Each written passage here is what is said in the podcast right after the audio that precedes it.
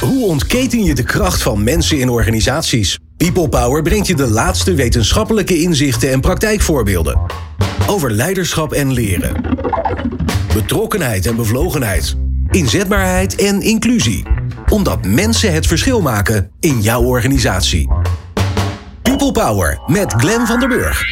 Zo'n 40% van de jongeren wordt opgeleid in het MBO.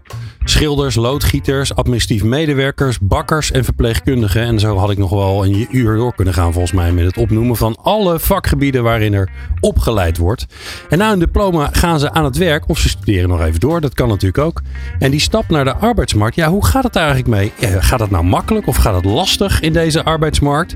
Maar vooral natuurlijk het opbouwen van een duurzame loopbaan. Hoe gaat het daarmee? Nou, dat schijnt toch best wel ingewikkeld zijn. Ja, want ook al uh, schreeuwt de arbeidsmarkt om MBO'ers, toch zijn er nog steeds veel jongeren zonder werk. En hoe kan dat nou eigenlijk? Wat helpt die jongeren om een duurzame loopbaan op te bouwen? Nou, dat gaan we vandaag vragen aan onze twee experts in de studio. Corine Buurs is de gast. Zij is onderzoeker en adviseur onderwijs en arbeidsmarkt. En ook nog programmamanager bij het ROC Midden-Nederland. En staat op het punt om te promoveren op dit thema. Ook nog eens een keer. En Marinke Kuipers is de gast. Bijzonder hoogleraar leeromgeving en leerloopbanen. Ondertussen breekt mijn stem in tweeën aan de Open Universiteit. Dat alles hoor je in deze aflevering van People Power. People Power met Glenn van den Burg. Corine en uh, Marinka, fijn dat jullie er zijn. Uh, we hebben een belangrijk onderwerp te bespreken met elkaar, want het gaat over een heel groot gedeelte van onze jongeren en een heel groot gedeelte van onze arbeidsbevolking in Nederland. Hoe groot is dat? Want ik zat op zo'n 40 procent. Marinka, klopt ja, dat een beetje? ik dacht dat het nog meer was. Nog meer zelfs? Ja, ja ik dacht meer dan de helft. Meer dan de helft, ja?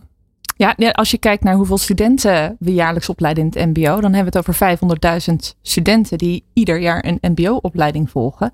En een groot deel daarvan stroomt door, maar ook een groot deel stroomt door naar de arbeidsmarkt. Ja, ja en dan hebben we het over het MBO alsof dat een soort afgebakend ding was. Ja. Vroeger, toen ik, toen ik nog het MBO, want ik heb ook de MEAO gedaan. Toen was dat nog, uh, dat was gewoon, je deed gewoon de MEAO, dat, dat, dat was er. Maar je hebt natuurlijk nu allerlei niveaus, ja. verschillen. Ja. Van niveau 1 tot 4. En daar zit nogal een verschil tussen. Ja, ja dat maakt nogal uit, ja. Van helpende uh, in mensen die uh, in de verpleging bedden schoonmaken tot verpleegkundigen die allerlei technische handelingen doen. Om maar even één ja. Uh, sector te pakken. Ja, en die hebben allebei een MBO-diploma verpleegkunde. Ja. Maar dat ja, nou ja in hetzelfde vakgebied in ieder geval. Precies, ongeveer. Maar dat is dus een enorm verschil tussen. Precies. Is dat nou handig geweest eigenlijk? Denk je, een totale sidestep. Maar ja, ik denk ook altijd aan de marketing van ja. mensen op de arbeidsmarkt. Is het nou handig om te zeggen, ja, de MBO hoor, maar die bestaat eigenlijk dus helemaal nee, niet? Nee, die bestaat helemaal niet. Nee, ik weet niet of het handig is, maar uh, nou ja, de beroeps, beroepsopleiding. Uh, ik zou denken, leven lang ontwikkelen gaat over beroepsopleidingen. En dat zie je van niveau 1 tot eigenlijk ook wetenschappelijk onderwijs voor een groot deel, wat ook beroepsgericht ja. is. Ja, je zou het HBO, MBO 5 kunnen noemen eigenlijk. Ja, ja, nou, ja, HBO is niveau 5. Oh, dat zo, ja, ja, echt waar? Oh, ik, ik, ik, ik, deed even een leuke aanname, maar dat, zo is het dus echt. Zo is het echt. Ja. Grappig. Ja. um, ik weet nog uh, van vroeger um, heb ik best wel wat uitzendingen gemaakt ook over de aansluiting van uh, het onderwijs op de arbeidsmarkt. En er was altijd best wel veel over te mopperen, uh, Corine. Is dat eigenlijk nog steeds zo? Want we, we leven natuurlijk in een totaal andere tijd met een enorm krappe arbeidsmarkt. Hoe, hoe zit het met die aansluiting van nou in dit geval het MBO met, met de arbeidsmarkt? Nou, het mopperen is in ieder geval van alle tijden. Okay. En er wordt nog steeds uh, gemopperd over de aansluiting onderwijs-arbeidsmarkt. Maar als je eigenlijk kijkt naar hoe die overgang van het MBO naar de arbeidsmarkt gaat, gaat het eigenlijk voor de meeste studenten eigenlijk hartstikke goed. De dus meeste studenten zijn na het afronden van een opleiding aan het werk. Ja, en um, um, toch hebben we nog veel jongeren waarvan dat niet geldt. Die uh, nog langs, de, arbeids, langs de, de, rand van de arbeidsmarkt staan. Zeg nog, ik hoorde laatst weer dat uh, het aantal werkelozen licht gestegen was. Dus dan denk ik, ja, waar komen die dan ineens vandaan?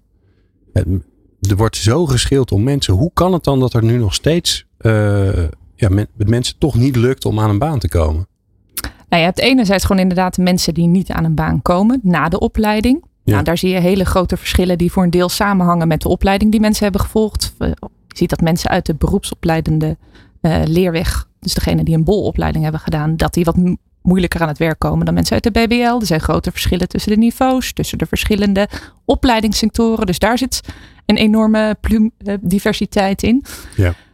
Um, en wat je ook ziet is dat um, we, uh, de, we hebben natuurlijk ook te maken met een flexibele arbeidsmarkt. Dat veel mensen die een baan vinden, dat dat een tijdelijke baan is. Ja, ja. En die verliezen we op een gegeven moment ook weer.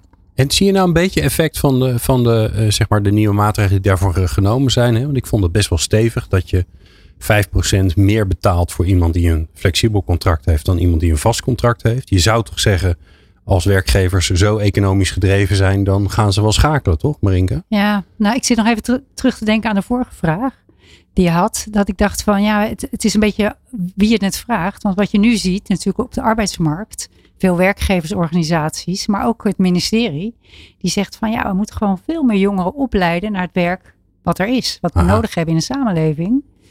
Um, ja, ongeacht wat jongeren eigenlijk zelf misschien Oké, okay. dus, dus zeg je daarmee, er is een mismatch? Nou ja, ik denk dat er heel veel jongeren, dat blijkt ook aan onderzoek, dat ze een verkeerde keuze hebben gemaakt. En uh, verder denk ik dat in het MBO nog uh, beperkt wordt opgeleid naar veranderingen die in de samenleving en in de, op de arbeidsmarkt plaatsvinden. Ja, een beetje dus, voorbereidend op wat er aankomt. Ja, precies. Ja. En, en er wordt heel erg gekeken naar wat voor werkzaamheden doe je in plaats van welke werkomgeving past bij jou. Dus het kan zijn dat je ja, een te gekke uh, studie hebt gedaan, maar je komt ergens en dan blijkt het helemaal niet zo zijn wat je verwacht had. Hmm.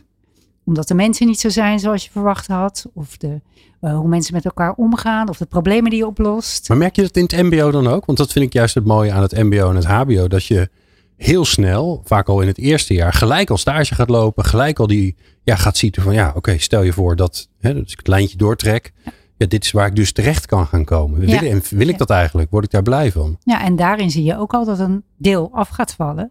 Ja. Omdat ze in, het, eh, in hun vooropleiding een keuze hebben gemaakt waar ze eigenlijk nog geen idee hadden van zichzelf.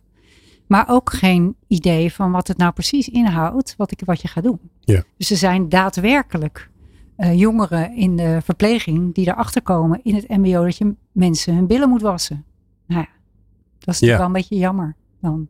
Ja, dat, dat kun je, ook van tevoren ja. uitzoeken. Ja, of dat je niet tegen bloed kan of zo. Ja, precies, je, je wil in een ziekenhuis gaan werken. Dat lijkt me onhandig. ja, dus ja, wat dat betreft hebben we nog wel wat uh, te doen in het, in het onderwijs. En ja. nou, ook daarna.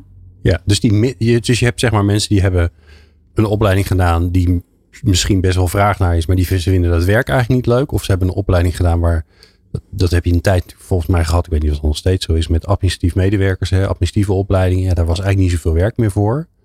Um, ja, dan heeft het niet zoveel zin om die opleiding te gaan doen. Zie je dat ook nog steeds? Ja, ik denk dat, dat we de laatste jaren heel, heel erg gekeken hebben. Ja, zeg maar wat hoor, Corine. Ja, Corine? Maar ik zag jou, ik zag jou kijken. Maar we hebben heel erg gekeken naar wat, wat doe maar wat je leuk vindt. Ja, oh.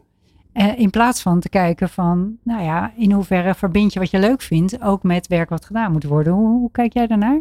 Nou, je ziet het denk ik gewoon aan twee kanten heel erg. Dit, dit punt wat je nu uh, aansnijdt heeft natuurlijk te maken met het kiezen van een mbo-opleiding. Ja, we zien nog steeds dat heel veel studenten een verkeerde keuze maken en om die reden ook stoppen met de opleiding. En uiteindelijk een VSV'er, dus een voortijdig schoolverlaten kunnen worden. Dus daar valt absoluut nog winst te behalen. En we zien het ook dat mensen de, er inderdaad gedurende de opleiding achterkomen. Oh, dit is toch niet wat bij me past. Ja, dan vind ik het als onderwijs dat je ook de taak hebt om te kijken waar zou je dan wel goed passen? En wat zou dan wel een hmm. uh, mooi toekomstperspectief voor je kunnen zijn? En waar zou je wel goed op je plek kunnen zijn? Nou, dat is waar het in het onderwijs ligt. Maar hetzelfde kun je op een gegeven moment hebben als je in, op de arbeidsmarkt start. Ja. Kun je met dezelfde dingen te maken krijgen. Van tijdens de opleiding was het allemaal cool. De, bij de stage was het hartstikke leuk. En nu zit ik hier op deze baan. En het bevalt me eigenlijk toch niet zo goed. Nou, dan ligt er ook iets voor bij de werkgever. Te kijken, goh, wat zou dan een andere mogelijkheid kunnen zijn? Ja. Hetzelfde geldt voor als een tijdelijk contract afloopt. Ja, nee, want dat gaf je al even aan. Hè? Veel tijdelijke contracten.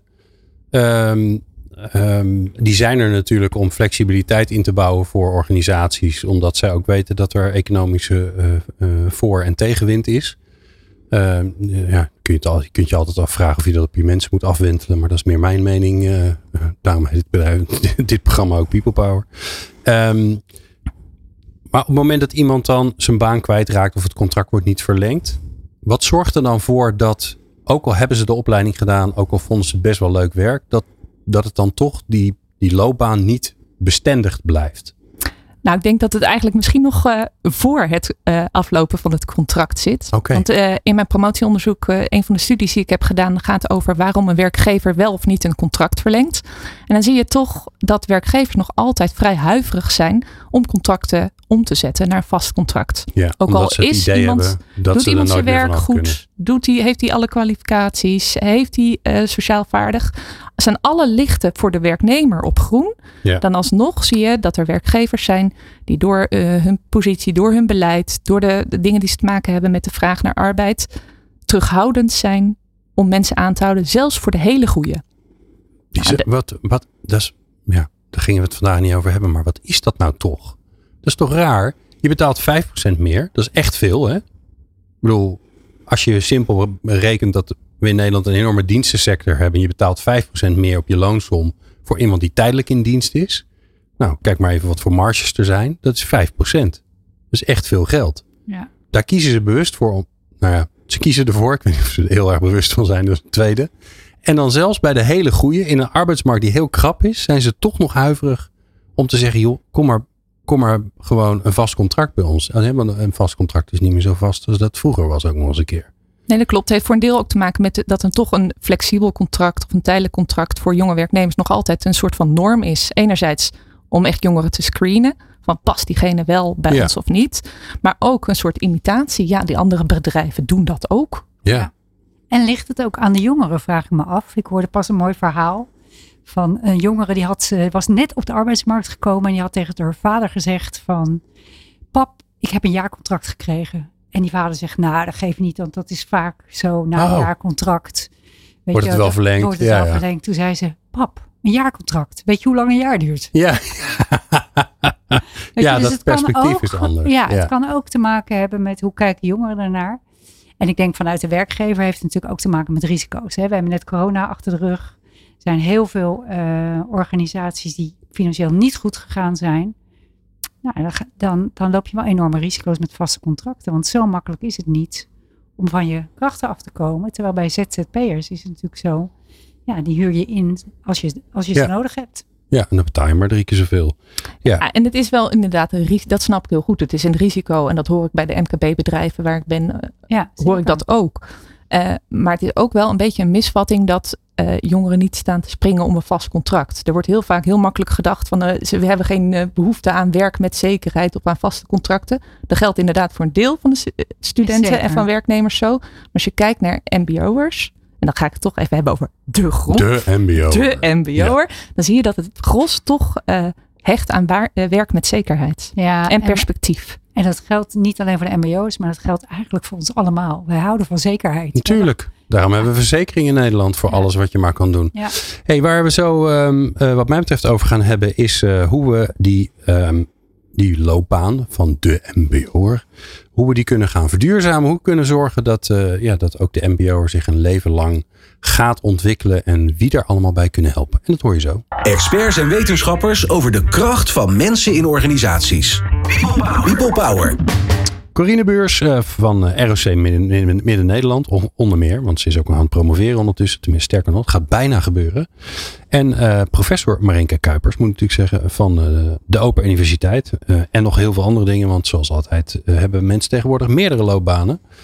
Fijn dat jullie er zijn. Ehm, we gaan het hebben over hoe kunnen we er nou voor zorgen dat mensen die begonnen zijn aan het MBO misschien uitvallen of het afgemaakt hebben en gaan werken en dan misschien wel hun baan kwijtraken of het toch niet zo leuk vinden.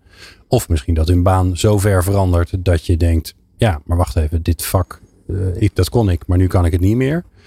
Hoe zorgen we ervoor dat ze een duurzame loopbaan kunnen krijgen? Maar misschien eerst even Marinke, want je- dat is jouw vak. Ja. Wanneer is het een duurzame loopbaan? Wanneer gaat het goed? Nou ja, wanneer je in staat bent om eh, mee te veranderen met de, vera- met, de, met de veranderingen in de samenleving, in de- op de arbeidsmarkt, in jouw organisatie. Maar op zo'n manier dat het wel bij jou past. Dus dat het aansluit bij je motiv- motivatie, maar ook bij ja, wat je potentie is en wat je kwaliteiten zijn. Want dan hou je het lang vol. Dus dat Ja. is duurzaam, zou Ja. je kunnen zeggen. Ja, dus het gaat om wat er gevraagd wordt. Ja. Nu en in de toekomst. En het gaat om dat je dat, je dat kan combineren met dat het voor jezelf leuk is. En ja, nou ja, waar, waar wil je een bijdrage aan leveren? Waar wil je van waarde zijn? En kun je daar ook van waarde zijn? En wordt dat ook gewaardeerd? Oké, maar dat klinkt al best wel als een soort zingevend ding. Ja, zingeving gecombineerd met economische doelen. dus wij zijn heel erg bezig bij de loopbaangroep ook om te kijken van, nou, hoe kun je leven lang ontwikkelen? Nou, in organisatie stimuleren, juist om die dialoog, dialoog op gang te brengen tussen de werkgever en de werknemer. Om die verbinding te maken tussen zingeving en de economische doelen van de organisatie. Maar we zijn ook bezig om te kijken hoe je, kun je dat mbo'ers in het onderwijs, hbo'ers trouwens ook, al leren. Dus hoe kun je ze ah. vaardigheden bijbrengen, zodat ze straks op die arbeidsmarkt wat flexibeler zijn en niet gelijk uitvallen als het werk tegenvalt hm. of dat uh, jezelf verandert bijvoorbeeld. Ja, ja, dus eigenlijk zeg je, hoor ik jou zeggen, Marinka, ik ben wel benieuwd, Corine, want vervolgens heb jij daar vervolgens een onderzoek gedaan, dat je, je moet eigenlijk tijdens je opleiding leren hoe je de rest van je leven blijft ontwikkelen. Dus een soort vaardigheid die je moet ontwikkelen van jezelf. Ja, ik denk dat je wat dat betreft nooit uitgeleerd bent. En dat ik denk dat het onderwijs een basis kan bieden en een voorbereiding erop. Maar dat de uiteindelijke realisatie daarvan, ja, dat ligt echt in de handen van MBO's zelf, maar ook vanuit werkgevers. Ja, maar gebeurt dat al ik denk genoeg? Dat, de voorbereiding in het onderwijs. Ja, dus ja, ik zit denk er dat al genoeg in ik denk dat we daar uh, als onderwijsinstellingen uh, echt nog wel een slag in kunnen maken. Maar er gebeurt ook al heel erg veel. Ja, vertel eens, want jij, jij zit bij ROC Min. Nederland is een enorm ROC. Alle ROC's zijn trouwens enorm tegenwoordig. Um, uh, hoe doen jullie dat? Dus hoe... Wat, je weet ook dat dat programma is altijd helemaal dichtgetimmerd. En je moet alle termen, normen en weet ik veel wat allemaal halen. En dat moet allemaal weer geauditeerd worden. Allemaal ingewikkeld. En, en, en je, je hebt 10.000 verschillende dingen te doen. En dan komt dit er ook nog bij. Maar hoe pas je dat dan in? Ja, dat is heel creatief bezig zijn. En uh, laten we wel wezen, het MBO heeft niet alleen een beroepsopleidende functie, maar ook een voorbereiding voor de maatschappij en voor de voordoorstroom. En als je kijkt naar wat voor dingen we daar allemaal op doen, we hebben uh, passend onderwijzen en passend ondersteunen, uh, speciale BPV-begeleiding, dus voor bij de stage, passende BPV noemen we dat. Wat is BPV? Moet je de beroepspraktijkbevorming. Dus dat is alles voor, voor de BOL is dat de stage en voor de BBL is, de, is dat de, de leerbaan. Ja. Dus dat je inderdaad kijkt naar hoe kun je ook al tijdens je opleiding, tijdens je stage uh, werken aan je uh, beroepscompetenties, maar ook aan je persoonlijke ontwikkeling. We hebben natuurlijk in het uh, MBO ook LOB. Dus daar weet Marinka natuurlijk ook alles van. Dus het gaat over loopbaanoriëntatie en oh. begeleiding. Oh, ja. En burgerschapsonderwijs. En we hebben nazorg wat eraan zit te komen. Maar dan zou ik zeggen, ja, er zit er dus allemaal in. En toch is er meer of anders nodig. Nou, ik denk dat je als onderwijsinstellingen een taak hebt om jongeren bewust te maken van wat, wat het vraagt. Een diploma alleen is niet meer genoeg. Het vraagt ook een stukje bewustwording. Uh, dat, dat je niet alleen goed een, eh, een hamer moet kunnen vasthouden, maar dat je ook andere competenties nodig hebt. Vooral uh, betrokkenheid bij, uh, bij organisatie of bij bedrijf of sociale competenties. Dat zie je, zijn dingen die werkgevers heel erg waarderen, blijkt uit mijn onderzoek. Um, maar je hebt ook als taak, denk ik, als onderwijsinstelling, om duidelijk te maken dat het leven lang leren geen nice to have is of een luxe, maar een absolute must. En dat het ook iets vraagt van MBO zelf. Dat je niet kan zitten wachten tot de mogelijkheden op de stoep of op de deurmat vallen, maar dat dat ook iets vraagt in je eigen zelfsturing. En als onderwijs kun je de, en ook als overheid kun je daar faciliteren en voorbereiden. Maar uiteindelijk de echte actie ligt echt bij MBO zelf, maar ook bij de werkgevers. Oké, maar um, er is altijd een soort discussie over als het gaat over duurzame inzetbaarheid of een leven lang leren. Is altijd discussie van wie is dat nou eigenlijk? Wie is er uiteindelijk verantwoordelijk voor? En um, ik weet dat ik het een jaar of vijf geleden vroeg en dan zeiden mensen altijd het individu. En ik merk de laatste tijd dat het een beetje aan het kantelen is. Dat mensen zeggen ja, natuurlijk heeft het individu een belangrijke rol, maar het systeem eromheen, dus de werkgever en de overheid en de onderwijsinstellingen, die kunnen ook nog wel even wat doen. Hoe zie jij dat, Marinke? Ja, nou als je kijkt naar uh, uh, bijvoorbeeld Sociaal-Economische Raad, hè, die heeft vier uitdagingen geformuleerd in leven lang ontwikkelen. En een daarvan is eigen regie nemen. dus iedereen zou eigen regie moeten nemen. Maar we weten ondertussen wel dat uh, niet iedereen dat kan, hè, eigen regie nemen. De vraag is natuurlijk, kun je het leren? En ik denk wel, iedereen kan er een stap in zetten. Maar je zou kunnen zeggen, eigen regie neem je om in te zetten bij leven lang ontwikkelen. Eh, maar je kan ook zeggen, leven lang ontwikkelen begint bij het leren om eigen regie te nemen. Ah, die is mooi, ja. Ja, dus dat, de, uh, in die zin uh, ja, praten we daarover, denken we daarover na. Nou, nog vrij beperkt. En ik denk van een aantal jaar geleden, ik meen 2017, zijn loopbaancompetenties in de kwalificatie-eisen van het MBO gekomen. Dat is eigenlijk om die vaardigheden waar Corinne het net over had, uh, om je eigen loopbaan te kunnen ontwikkelen. Op basis van je zelfbeeld stappen te kunnen nemen, te netwerken. Um, maar ook daarin zie je dat de docenten moeten ook een leven lang ontwikkelen. Dus dat betekent dat zij zelf een ontwikkeling ook door moeten maken om dat ook te kunnen gaan begeleiden. Ja. En dat is ook voor hen, voor mij, voor iedereen, best nieuw. Hè? Dat, dat, dat we zoveel moeten veranderen en elke keer weer uh, iets op ons bordje uh, krijgen. Hè? Dus in het begin dacht, als dan in het onderwijs wat uh, veranderde, dan dachten we van ja, nu zijn we klaar, als het voor elkaar was. Maar nu weten we, ja, we zijn nooit klaar. We blijven veranderen. De kunst is om een bepaalde richting met z'n allen op te veranderen. Ja. En niet honderdduizend dingen te doen. Maar je zei Marinke, die, die loopbaancompetenties, die zijn, die zijn het onderwijs ingekomen. 2017, ja, dat is ondertussen zes jaar geleden. Hè? Ja. Dus even snel gerekend doe je volgens mij drie of vier jaar over je mbo zo'n beetje. Dus dan heb je al twee cohorten afgeleverd. Die hebben dat allemaal een hele opleiding meegekregen. Dan zou je daar toch van kunnen zeggen, we weten dan in ieder geval of het een beetje geholpen heeft. Nou, dat staat op papier. Dus twee cohorten hebben het op papier gehad. En dat is, Oh ja. Ja, dus dat, en, en het ligt dus aan de school. Want Corinne, jij zegt leven lang, eh, weet je, de eh, loopbaan, oriëntatie en begeleiding. Nou, ik ben al jaren bezig om te zeggen van, het zou van oriëntatie naar ontwikkeling moeten zijn. Hè, dus het is niet meer zo oriënteren, maar mensen moeten leren om stappen te zetten in deze moeilijke arbeidsmarkt. Moeten daar ook goed begeleid in worden. Hè? Dus daar heeft Corinne groot gelijk in. Het gaat niet alleen om uh, dat je zegt van jij moet zelfsturend zijn. Nee, je moet mogelijkheden creëren zodat mensen leren om die zelfsturing te doen. Ja, want zelfsturing is best ingewikkeld. Hè? Anders dan waren we allemaal slank, rookten we niet, dronken we weinig of niet. Nou, hè, noem ze allemaal op. Alle uitdagingen die we hebben in het leven. Waar mega-industrieën voor zijn opgetuigd. Omdat wij eigenlijk niet zo goed zelfsturend zijn. Nee, en tegelijkertijd zit daar ook een risico aan. Want ik vind het heel belangrijk dat we uh, goed bezig zijn om studenten toe te rusten om een bewust te maken van hun loopbaan en een soort aanzet te geven of een basis te bieden voor leven lang ontwikkelen. Maar tegelijkertijd moet je ook waken voor een soort veralgemenisering van het onderwijs. Ze volgen wel een beroepsopleiding. En de studenten die worden gemotiveerd door het vak, die wil je ook behouden. En die moet je met alle extra kwalificatie-eisen die er op het gebied van taal, Ja. rekenen, Engels, burgerschap, eh, weet ik veel wat nog meer bijkomen. Ja, vergroot je wel de kans dat de studenten voortijdig de school verlaten en de opleiding niet afmaken. Ja. Ja, en dan schiet je ook je doel voorbij. Dus het is heel erg zoeken naar een balans Ja. tussen hoe je dat goed doet. Ja, maar En ik denk dat het er niet bij komt. Weet je, ik denk, je leerloopbaan is onderdeel van je loopbaan. Dus je bent aan het ontwikkelen. Alleen mag je daar wat zelf keuzes in maken. Mag je daar ervaring in doen, opdoen die je interessant vindt. Gaat iemand je daarin uitdagen en vertrouwen geven dat je dat kunt. En dat is volgens mij loopbaanontwikkeling. Ja, het ligt eraan hoe je het, hoe je het vormgeeft. ja. Als je het echt als statisch vak, los vak, in, Ja, dan zinvol. Maar help ons even, Maar het want- gaat volgens mij veel meer dat je het goed integreert. Ja. En dat je hem als, als in, Ja. in, het, eh, als in de onderwe- perspectief vanuit de onderwijs-arbeidsloopbaan kijkt. Het diploma is een stap in je onderwijs-arbeidsloopbaan. En het loopbaan hoort daarbij. eh loopbaan oriëntatie of ontwikkeling en leven lang leren hoort daarbij. Ja. En daar maken we ook wel echt stappen in. Ook met hele flexibele leerarrangementen Zeker. waar we nu mee bezig zijn. Maar help mij eens even. Ik ben eh, student bij jullie. Ja. En eh, ik zit ergens, eh, ergens in, in de opleiding. In eh 1, 2, 3, 4 ergens.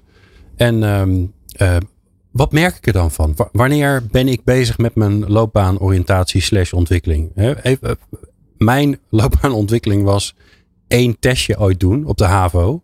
En er kwam volgens mij uit dat ik slijter moest worden. Ehm, dus blijkbaar was ik toen al eh, geïnteresseerd in eh, een klein drankje drinken. Ja. Veel te vroeg. Eh, ben dat niet geworden overigens.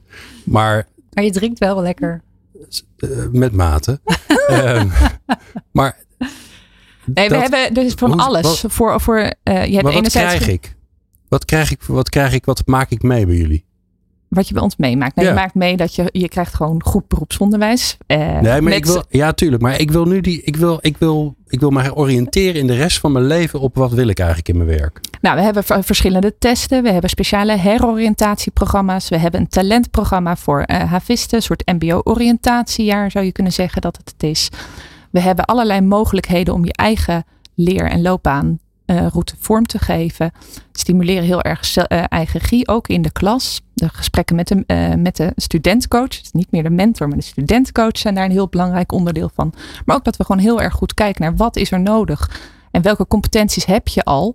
En is het voor jou de meest zinvolle route om nu naar dat diploma te gaan? Of is het veel beter om in een derde leerweg of met praktijkcertificaten een andere stap te maken? Okay. En wat zou je vervolgens. Maar zo'n studentcoach, hè, slash mentor, die, die kan ik me voorstellen. Dat is iemand die, die, die ken ik, uh, die zie ik regelmatig. Uh, hopelijk uh, hebben we een soort leuke vertrouwensband opge, opgebouwd. En die gaat me een beetje helpen.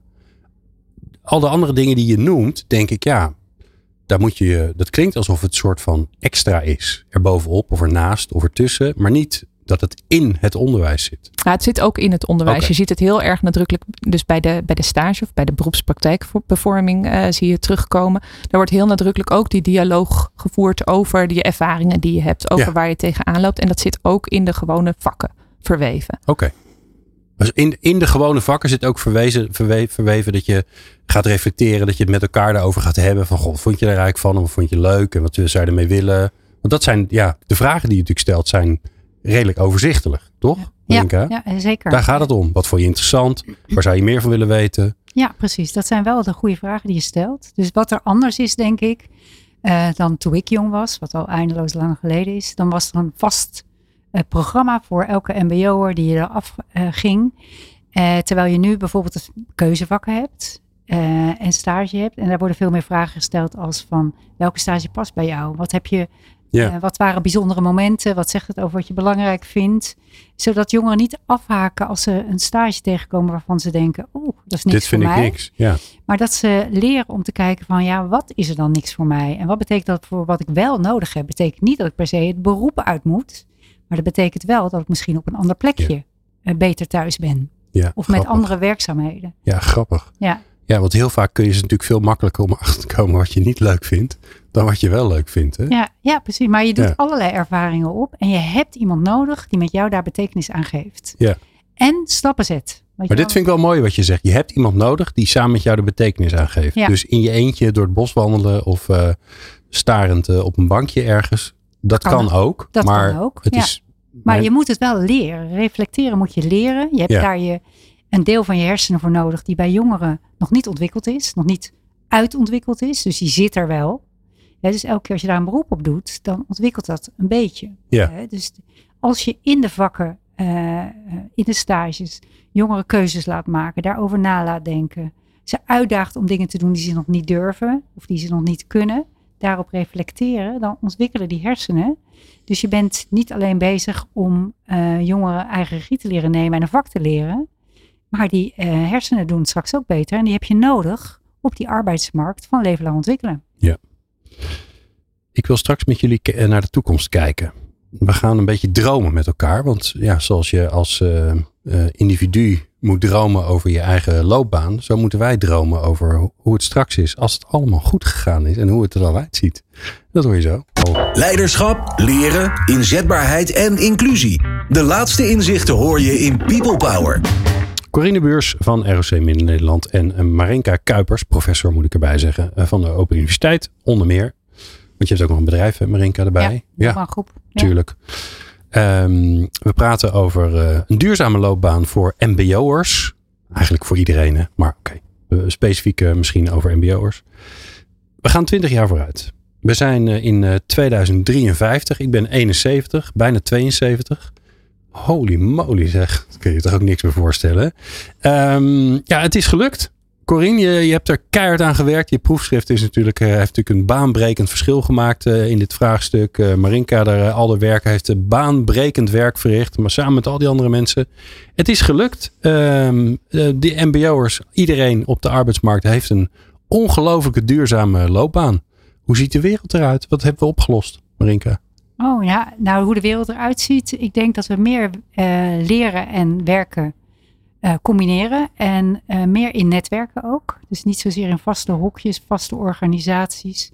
werkgevers die denken niet alleen aan hun eigen economische doelen, maar ook aan zingevingsdoelen. En kijken ook regionaal uh, in plaats van alleen maar op hun eigen organisatie. Hm. Dus met elkaar het werk doen wat gedaan moet worden vanuit de motivatie en de ontwikkeling van potentie van jongeren. Met elkaar de golven van de arbeidsmarkt bedwingen. Kijk, heel goed. Oké, dus ze, ze, ook de, de, de, bedrijven en organisaties werken in netwerkers en die wisselen Ja. ook mensen uit. Precies. Niet En meer dat hele vaste, ik werk hier en ik heb hier mijn arbeidscontract. Nee, als je daar goed in bent, ben je daar beter op je plek. Ga Hm. het eens uitproberen.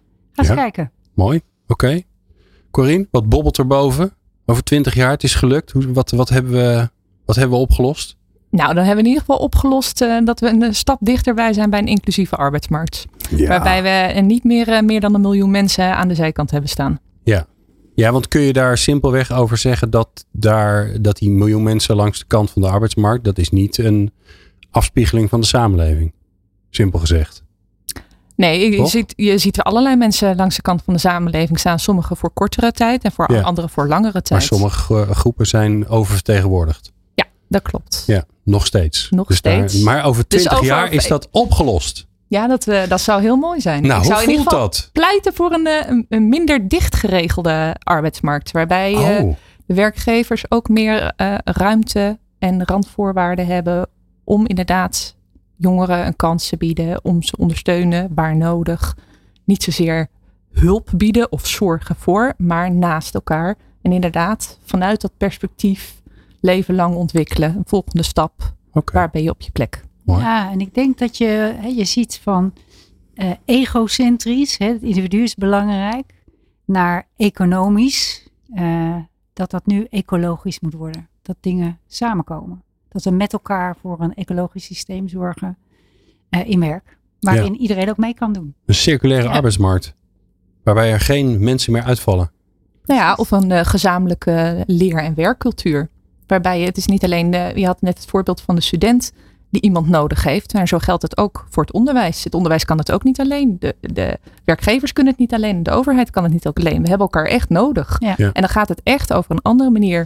Ja. Ja. Eh, van, van kijken, maar ook van denken. En vooral van doen. Ja, Ja. Het, het gaat dan niet meer om leven lang leren in de zin van vaardigheden ontwikkelen. Maar het is echt eh, leven lang ontwikkelen. Dus een langdurig proces waarin we echt andere perspectieven gaan ontwikkelen. Niet blijven doen wat we deden. En anders waarderen ook. Ja. We zijn natuurlijk nu heel erg op diploma's eh, gericht. En ik denk ook als je kijkt naar werkgevers en waar we naartoe zouden kunnen gaan, is dat je inderdaad ook veel meer eh, waardering hebt voor, de, de, voor het aftekenen van competenties, voor skills. Hm. Ja, ja, ik vind dat heel grappig. Ik ben nu 51, nou ik ben nu eigenlijk 71, want we zijn 20 jaar verder. Maar toen ik 51 was, oftewel wat ik nu ben, nu wordt het ingewikkeld hè. Ja. Ehm, er zijn nog steeds mensen die vragen aan mij, wat is je achtergrond? Vind ik altijd een moeilijke vraag. En als ik dan doorvraag, dan willen ze weten dat ik gestudeerd heb. En dan denk ik, jeetje, ik was op mijn 22e klaar met mijn hbo-opleiding. Dat is 29 jaar geleden. Ja, ja. Dus ik, ik, werk, ik werk al zoveel langer dan die vier jaartjes dat ik een hbo-opleiding heb Ja. gedaan. En, En wat toch- wil je later worden dan? Ja, dat weet ik nog niet. Ja, Nee. Ja dat, ja, dat is wel grappig, want ik vind dat dus een hele moeilijke vraag. En dat, ik, weet- ik heb het nooit geweten en ik weet het nog steeds niet. Ik weet wel dat ik dit heel leuk vind. Ehm, maar ja, dat gaat ook weer veranderen. ja. En, en dat is weten dat ook niet. En dat, ze hoeven het ook niet te weten. Dat is het leuke bij, dit, bij dat nieuwe. Die Maar nieuwe is dat ook niet de uitdaging? Want zijn we nu niet, hebben we onze jongeren niet te veel opgevoed? En dat zeg ik ook even tegen mezelf als vader. ehm, van eh, je kan alles worden, eh, maar je moet wel weten wat je wil worden. Ehm, terwijl eigenlijk is het veel eerlijker om te zeggen, die zoektocht om erachter te komen wat je leuk en niet leuk vindt, die is hartstikke prima en leuk. Dus je hoeft het niet te weten, maar je moet wel gaan zoeken. Ja, ja. En geniet van dat zoeken. Ja, onderzoeken. Dat is belangrijk. En ik denk, toen ik eh, een tijdje geleden aan de Rijksuniversiteit Groningen aan een hele grote groep studenten vroeg wie heeft er keuzestress?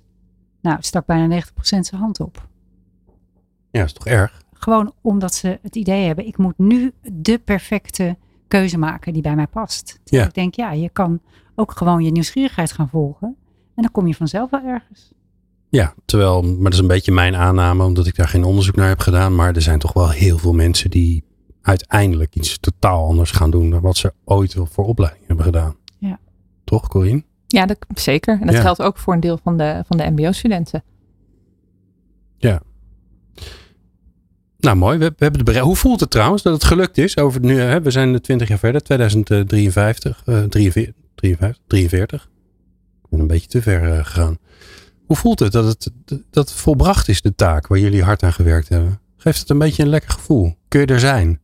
Nou, zeker. Ja? Ik zie het wel voor me. Oké, Ja, nou gaan we nu Hard terug. bezig met de weg ernaartoe. Nou, hè, ja, ik wou net zeggen, nu gaan we toch even terug.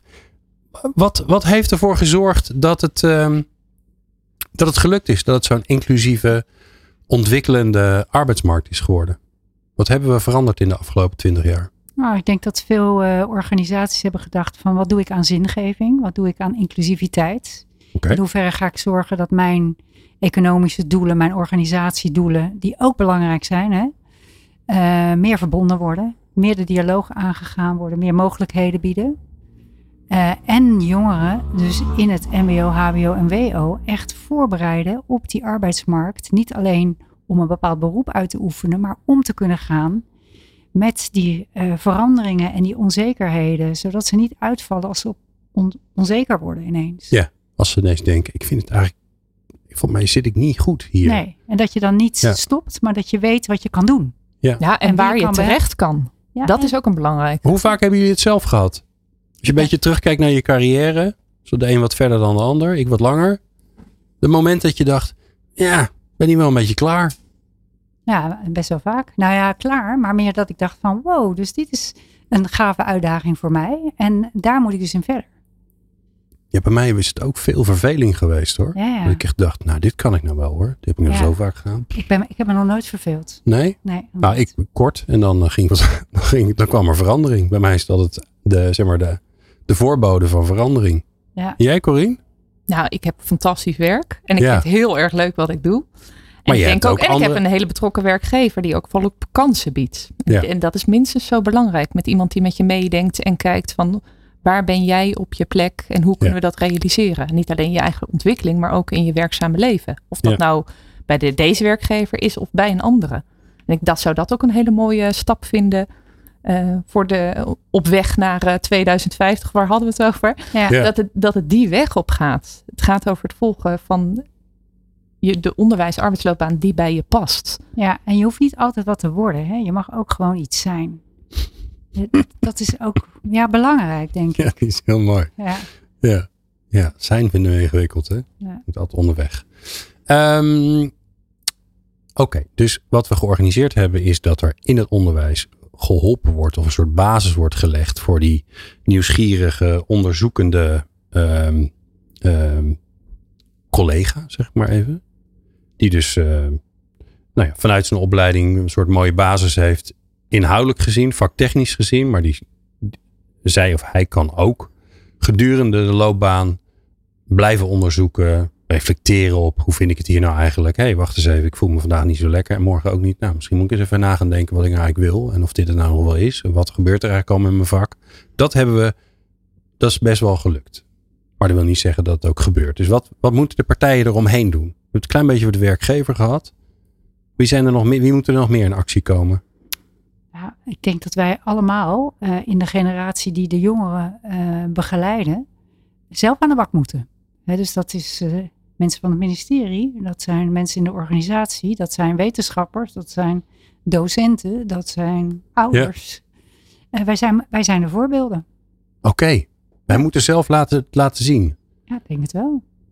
En zeg je dan ook, we moeten ook zelf soms zeggen, ik weet het even niet. Nou, ik denk dat dat Toch? heel eh, zinvol is, maar, Maar dat hoor je toch Komma. bijna nooit iemand zeggen. maar dan komma. Maar ik weet nu waar ik het kan gaan vinden. Ja, en of ik kan ben- gaan ja. zoeken. Ja. Ja, of het is niet erg dat ik het even niet weet. Nee. Ja, Ja, en, oh, dat ik is een interessante. Ja, en ik, en ik denk van in een kenniseconomie, daar is natuurlijk IQ is heel belangrijk. Ons eh, IQ. Maar ja, de kennis en de informatie is overal ter beschikking. En in een veranderende arbeidsmarkt is, eh, ik had net een column geschreven, is de ZQ misschien wel steeds belangrijker.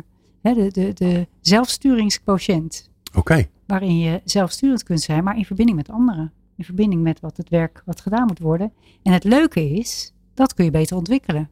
Dus die inclusieve samenleving waar eh, Corinne het net over had, ja, die komt dan ook gewoon dichterbij. Ja, en voor degene voor wie dat dan niet lukt, of op een zeker moment niet lukt, daarvoor zou het heel mooi zijn als je ondersteuning, een soort doorgaande lijn van ondersteuning hebt. Die start in het onderwijs, als onderwijs dat vindt plaats, maar vooral inderdaad doorloopt op die arbeidsmarkt. En hoe zou die eruit moeten zien, Corine? Want, want in het begin van je carrière investeren we daar heel, heel veel. Hebben we heel, investeren heel veel aan het begin van iemands carrière. Daarna, nou, hopelijk als je een leuke werkgever hebt, uh, investeert hij nog in kennis en in vaardigheden. Als je een hele leuke werkgever hebt, stelt hij je leuke vragen zoals jij, of doet hij nog wat aan de persoonlijke ontwikkeling.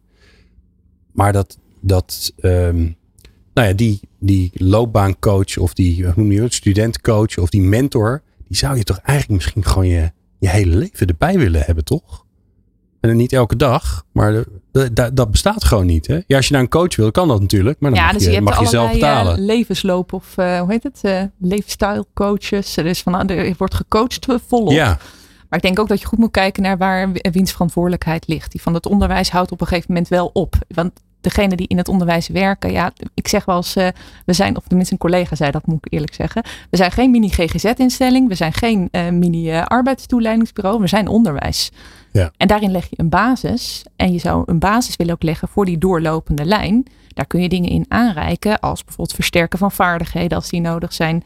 Om te helpen bij het zoeken van vacatures. Ja. Om te kijken hoe je uh, bewust bent van een leven lang om verder te ontwikkelen om te kijken of je een soort vangnet kunt bieden voor als toch die eerste stap op die arbeidsmarkt niet helemaal gaan zoals je uh, zou willen. Dat ze terug zouden kunnen komen bij het onderwijs om te kijken, hé, hey, wat is er dan wel nodig? Nou, daar zijn we heel erg druk mee bezig, vooruitlopend op de wet die eraan zit te komen, van school naar duurzaam werk, Zo. waar OCMW uh, nu lekker mee bezig is.